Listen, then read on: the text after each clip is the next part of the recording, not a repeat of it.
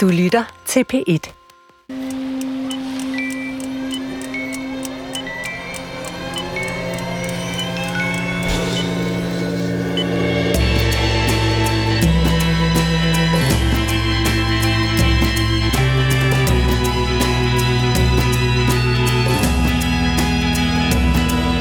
Der er ikke så meget at tilføje til denne radiofortælling. Den fortæller nemlig sig selv og handler ovenikøbet om det at fortælle, blandt andet.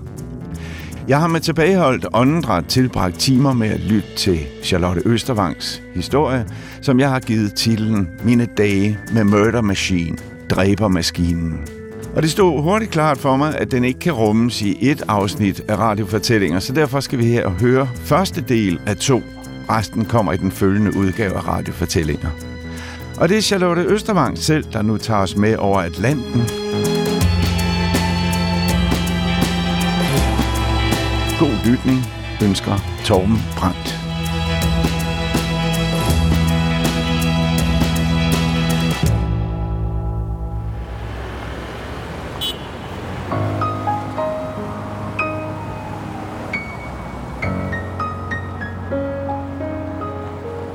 Jeg er lige flyttet til New York, og den er meget overvældende byen.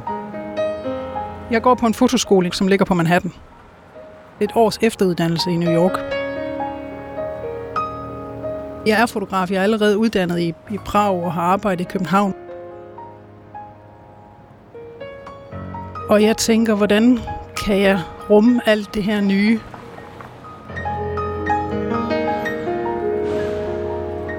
Og så kommer jeg jo i tanke om, at jeg har haft stor glæde ud af at være vinterbader på Helgoland.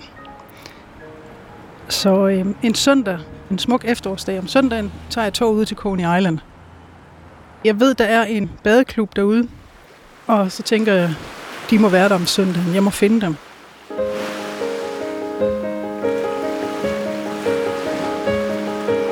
Og så går jeg ned ad promenaden på Coney Island. The Boardwalk, og da jeg kommer til New York Aquarium, der sidder der midt på boardwalken en italiensk mand med olie i håret. Han sidder og glinser i efterårssolen. Øhm, han sidder sådan og smiler og kigger på folk. Når jeg kan bare mærke, ham har jeg slet ikke lyst til, at han skal smile til mig. Så jeg gør det, at jeg går ned ad boardwalken og ned på stranden og så går jeg langs vandet, og så når jeg kan se, at jeg er forbi, så går jeg op igen.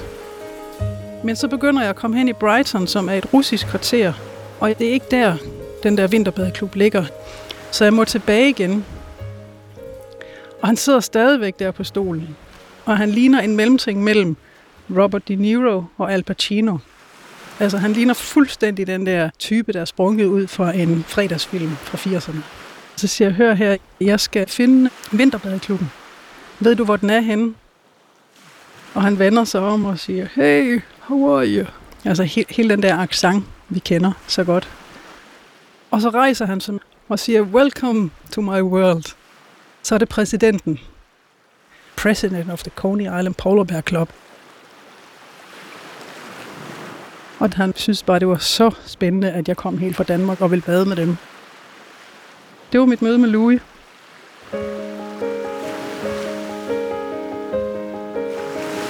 Og han sidder kun og venter på, at de andre møder op, fordi de har en fast tradition om, at de går i samlet flok ned til vandet klokken 1 om søndagen. Og vinterbad i Danmark er jo sådan en meditativ og rolig ting. Der er det demonstralt modsat på Coney Island. Og så går vi hen over den kolde strand, og så kommer vi ned til vandet, og så står vi i en rundkreds, og så løber alle skrigende ud i vandet i flok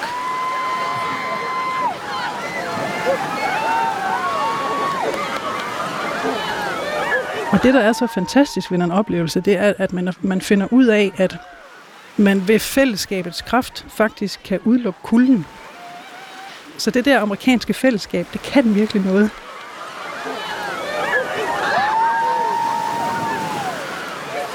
Da vi så havde været i vandet og svømme, så kommer han så hen og spurgte mig, hvordan var det, og du er velkommen tilbage, og håber at se dig igen her i klubben og sådan nogle ting.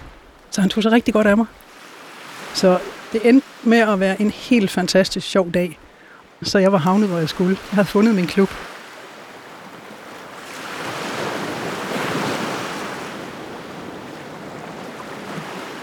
Så tager jeg ud og svømmer hver søndag. Det bliver mit faste øh, søndagsritual. Møder Louis og de andre og får en kop kaffe, øh, inden vi skal i vandet og sidder på promenaden og taler sammen. Og Louis han fortalte meget historier om hans tid i Vietnam.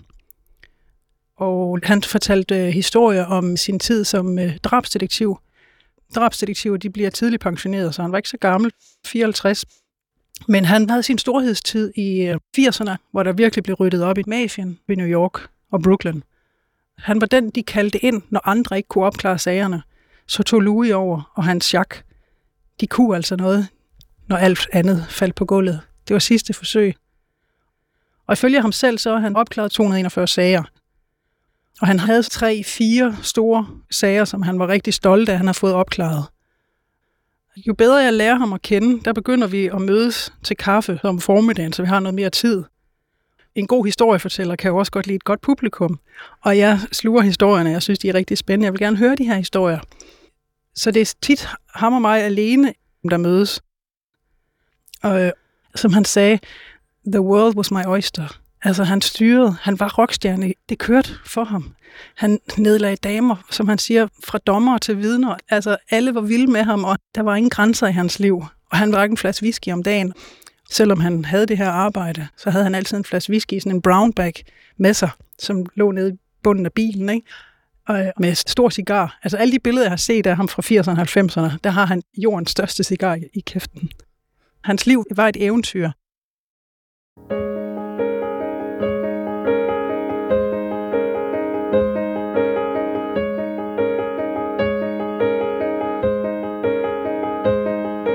Når jeg sad i toget hjem til min lejlighed i Brooklyn efter de her søndage ude på Coney Island, så følte jeg mig fyldt op.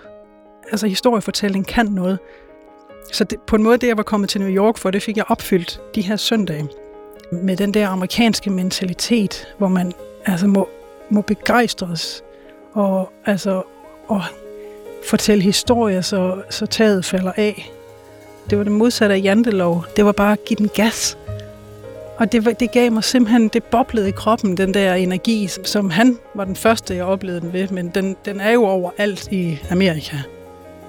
Og det blev måske lidt, lidt flat at komme ind på skolen og sidde i en undervisningssituation og skulle lære at lave en reportage på Times Square.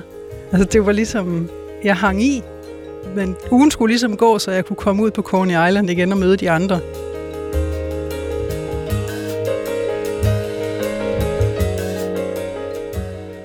Jeg er færdig med skolen, der går et år, og så øh, kan man blive et ekstra år og have arbejdstilladelse.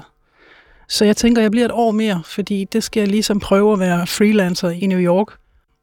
På et af mine første job, det er i Washington D.C., hvor jeg skal flyve ned og fotografere en 29-årig veteran fra Irakkrigen. Og inden jeg tager til Washington D.C., så siger min roommate, ham jeg deler lejligheden med, at han er inviteret til en stor fest, hvor de fejrer Kentucky Derby.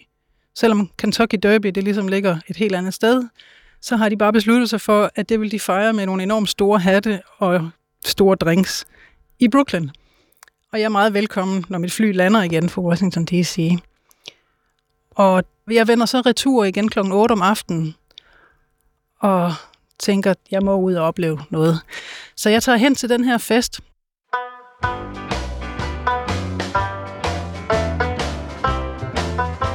i en kæmpestor bygning i et industrikvarter i Brooklyn. Og kører op med elevator og åbner en stor, bred trædør ind til den her fest. Og så bliver jeg bare mødt af en fest, der har været i gang i rigtig længe. Og det er rigtig svært tog at komme på. En masse overstadige mennesker med brede hatte. Jeg kan umuligt indhente dem. De der drinks, de har været store. Og jeg er rigtig træt. Jeg har været i Washington. Jeg har været meget voksen og fornuftig hele dagen. Så jeg ved ikke rigtig lige, hvad jeg skal gøre. Men så tænker jeg, jeg låner deres WC, og så tager jeg toget hjem igen, og så drikker jeg en godnatøl hjem på min fortrappe.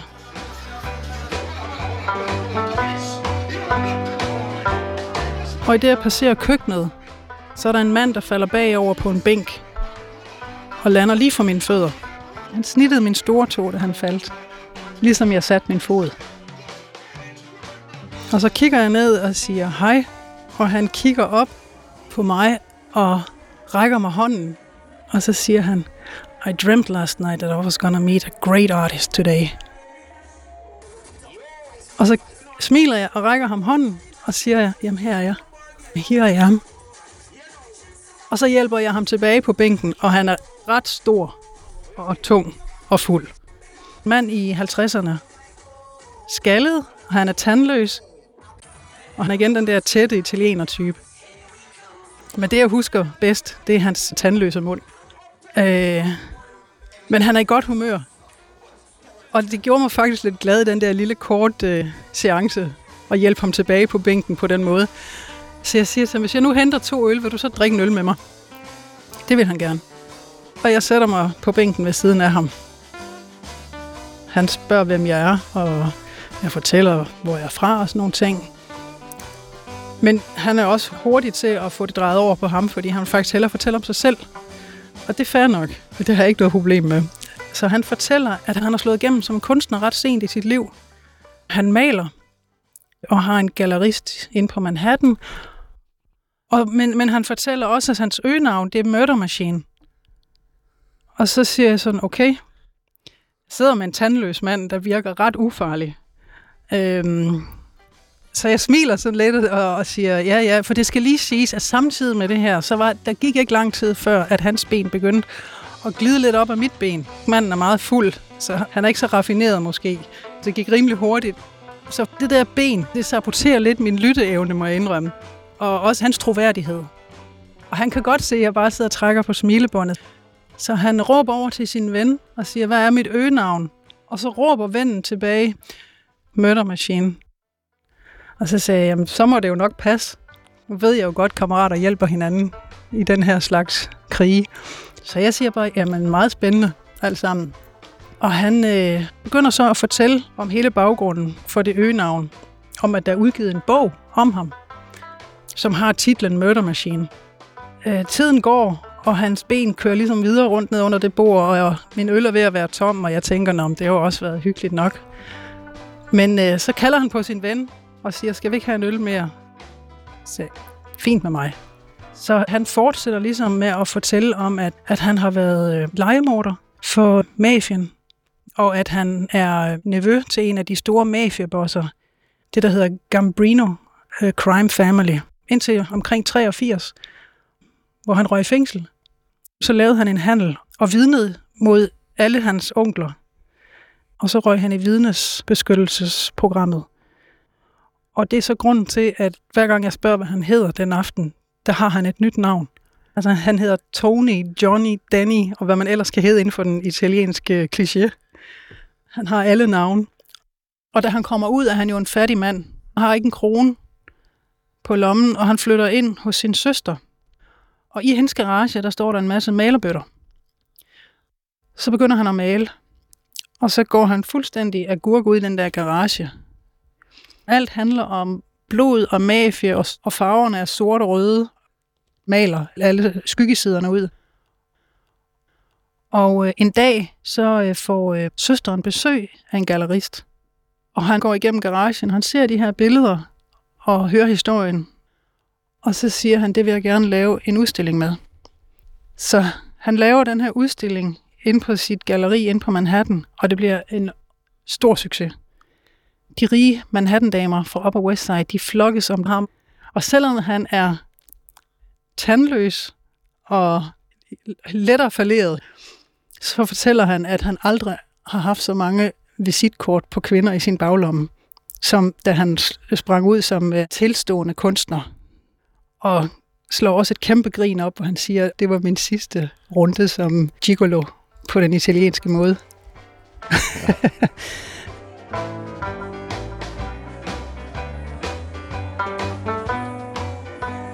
Og så, da øl nummer to er ved at være slut, der begynder han sådan at spørge ind til, hvad jeg laver og hvem jeg er.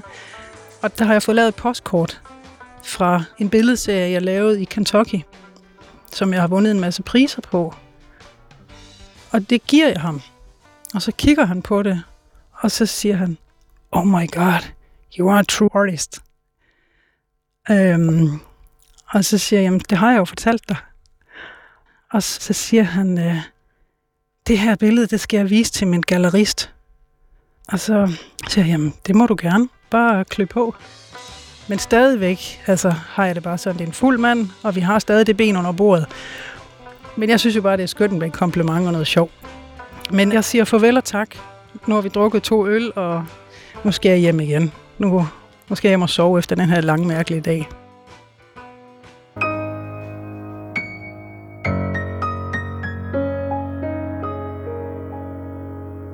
Jeg kommer hjem fra den her fest til min lejlighed i Brooklyn. Og jeg er alligevel lidt nysgerrig på det hele, fordi jeg tror jo ikke på noget af det, jeg har fået fortalt. Men man må lige ind og google. Jeg tænker, at han hedder Dominik, fordi at det, er ligesom, det er det eneste navn, der går igen i løbet af samtalen under de to øl. Så jeg googler Murder Machine, og jeg googler Dominik, og jeg googler nogle andre informationer, jeg har fået. Men der kommer intet op.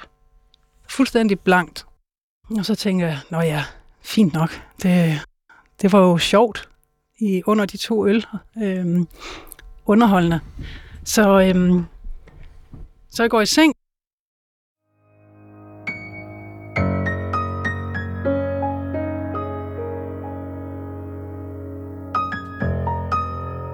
Og så står jeg op søndag morgen og pakker mit badetøj, og så tager jeg ud til Coney Island for at møde Louis og de andre glade badere.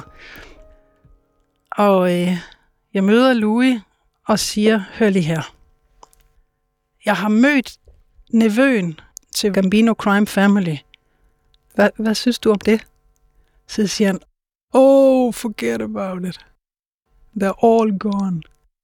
De er alle væk, de er alle bag lås og slå. Den gik i opløsning i 83. Hele den der mafia-familie, som styrede Brooklyn, de er enten bag lås og slå og væk, eller døde. Og så sagde jeg, jamen det tænkte jeg nok, men jeg vil bare lige tjekke. Det kunne godt være, at der var nogle små løsgængere rundt omkring. Øh, så sagde han, nej, det er helt umuligt. Nå, fint nok. Vi snakker ikke mere om det. Vi bader og glade, og vi er videre. Øhm, og Louis ryster på hovedet af mig over min naivitet. Og jeg skal lade være med at gå ud så sent lørdag aften i øvrigt.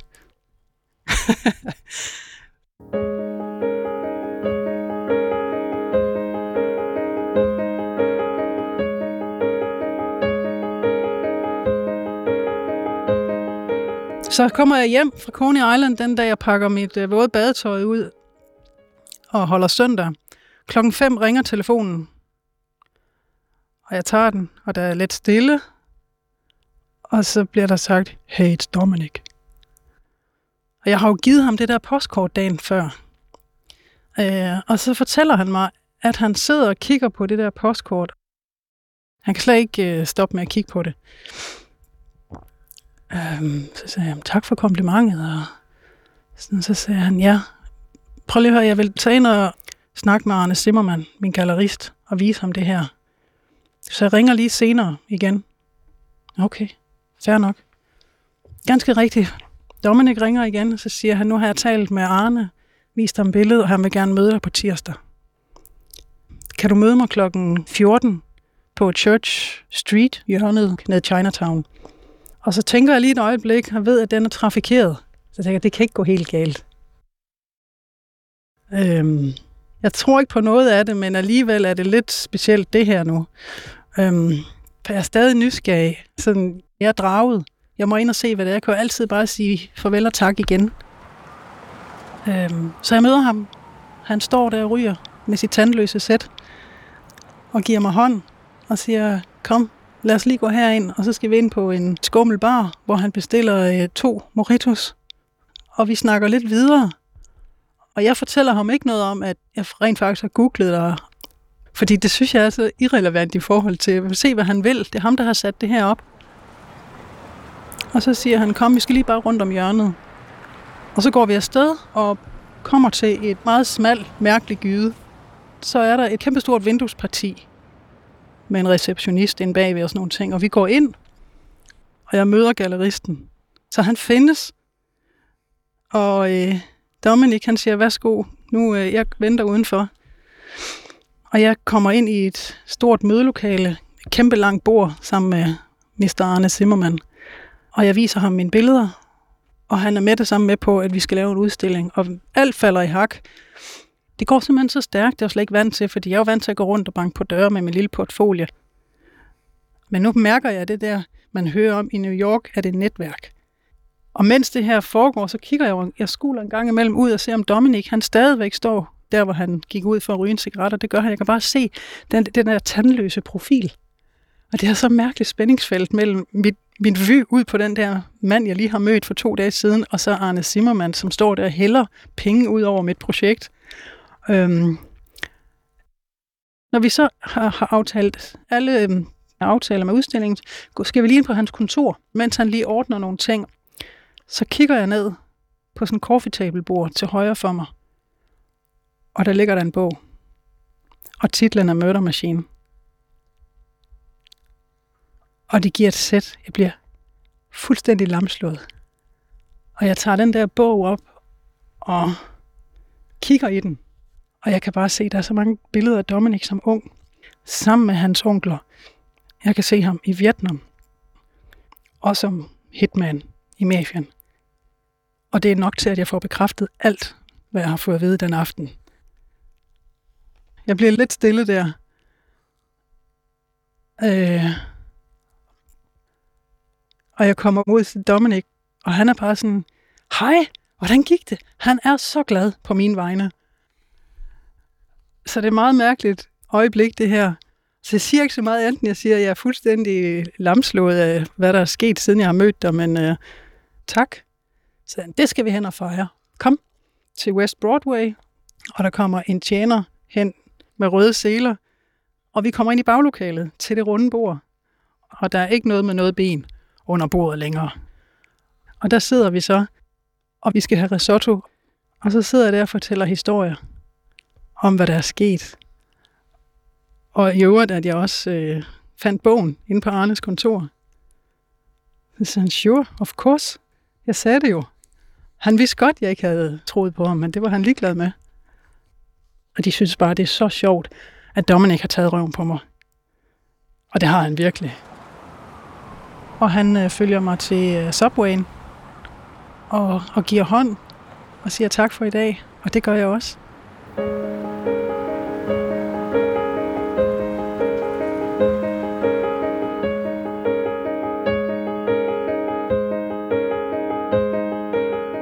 Der går et stykke tid.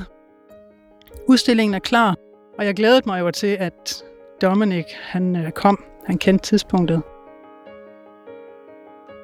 Men han kom altså ikke. Og det var en kæmpe skuffelse.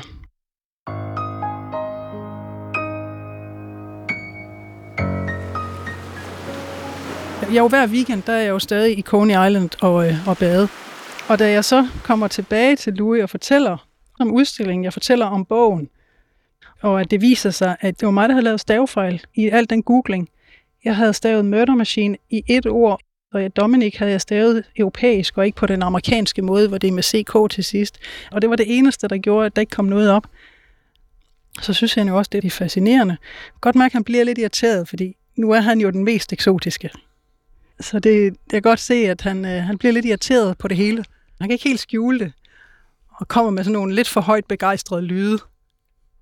Øhm,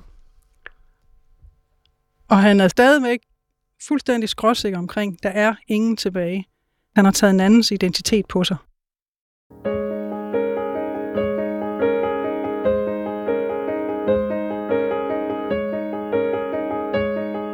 Og jeg skal så hjem til Danmark og ordne nogle ting. Og så tager jeg det over igen og beslutter mig for, at jeg vil rundt og se Amerika. Det er tid til at tage en rundtur. Og jeg er egentlig også så nysgerrig på, hvad blev der af Dominic? Han forsvandt dengang og vendte aldrig tilbage.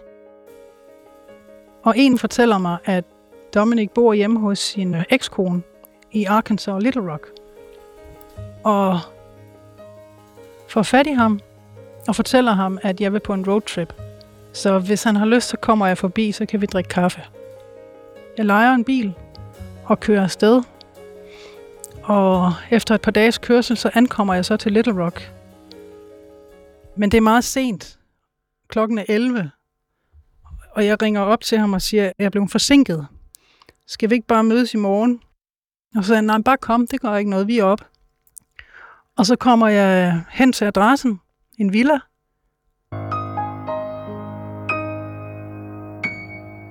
Og så kan jeg se, at der står en mand og ryger cigaretter på verandaen. Og det er selvfølgelig Dominic. Og jeg går hen og hilser og siger hej. Og Dominic han står med jagt på, og ved siden af ham står der en kuffert. Og så siger han, øh, skal vi køre? Og så var jeg sådan, ja, hvorhen? Klokken er 11. Så han, ja, min ekskone er træt af mig. Nå, men vil du ikke lige møde hende? Så sagde jeg, jo, det vil jeg da gerne.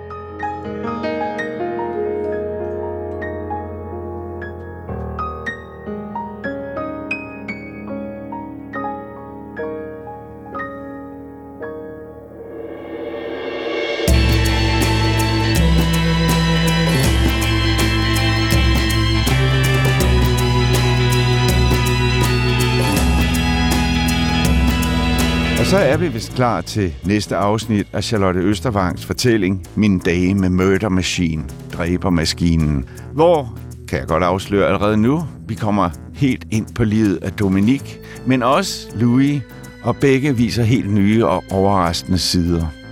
Ja, spændende, men du må vente en uge, hvis du lytter FM eller på nettet, og når den uge er overstået, kan du lytte begge afsnit i streg på podcast eller dr.dk. Det er mig, der er tilrettelagt. Jeg hedder Torben Brandt. Fortsat god lytning af radiofortællinger live eller fra arkiv.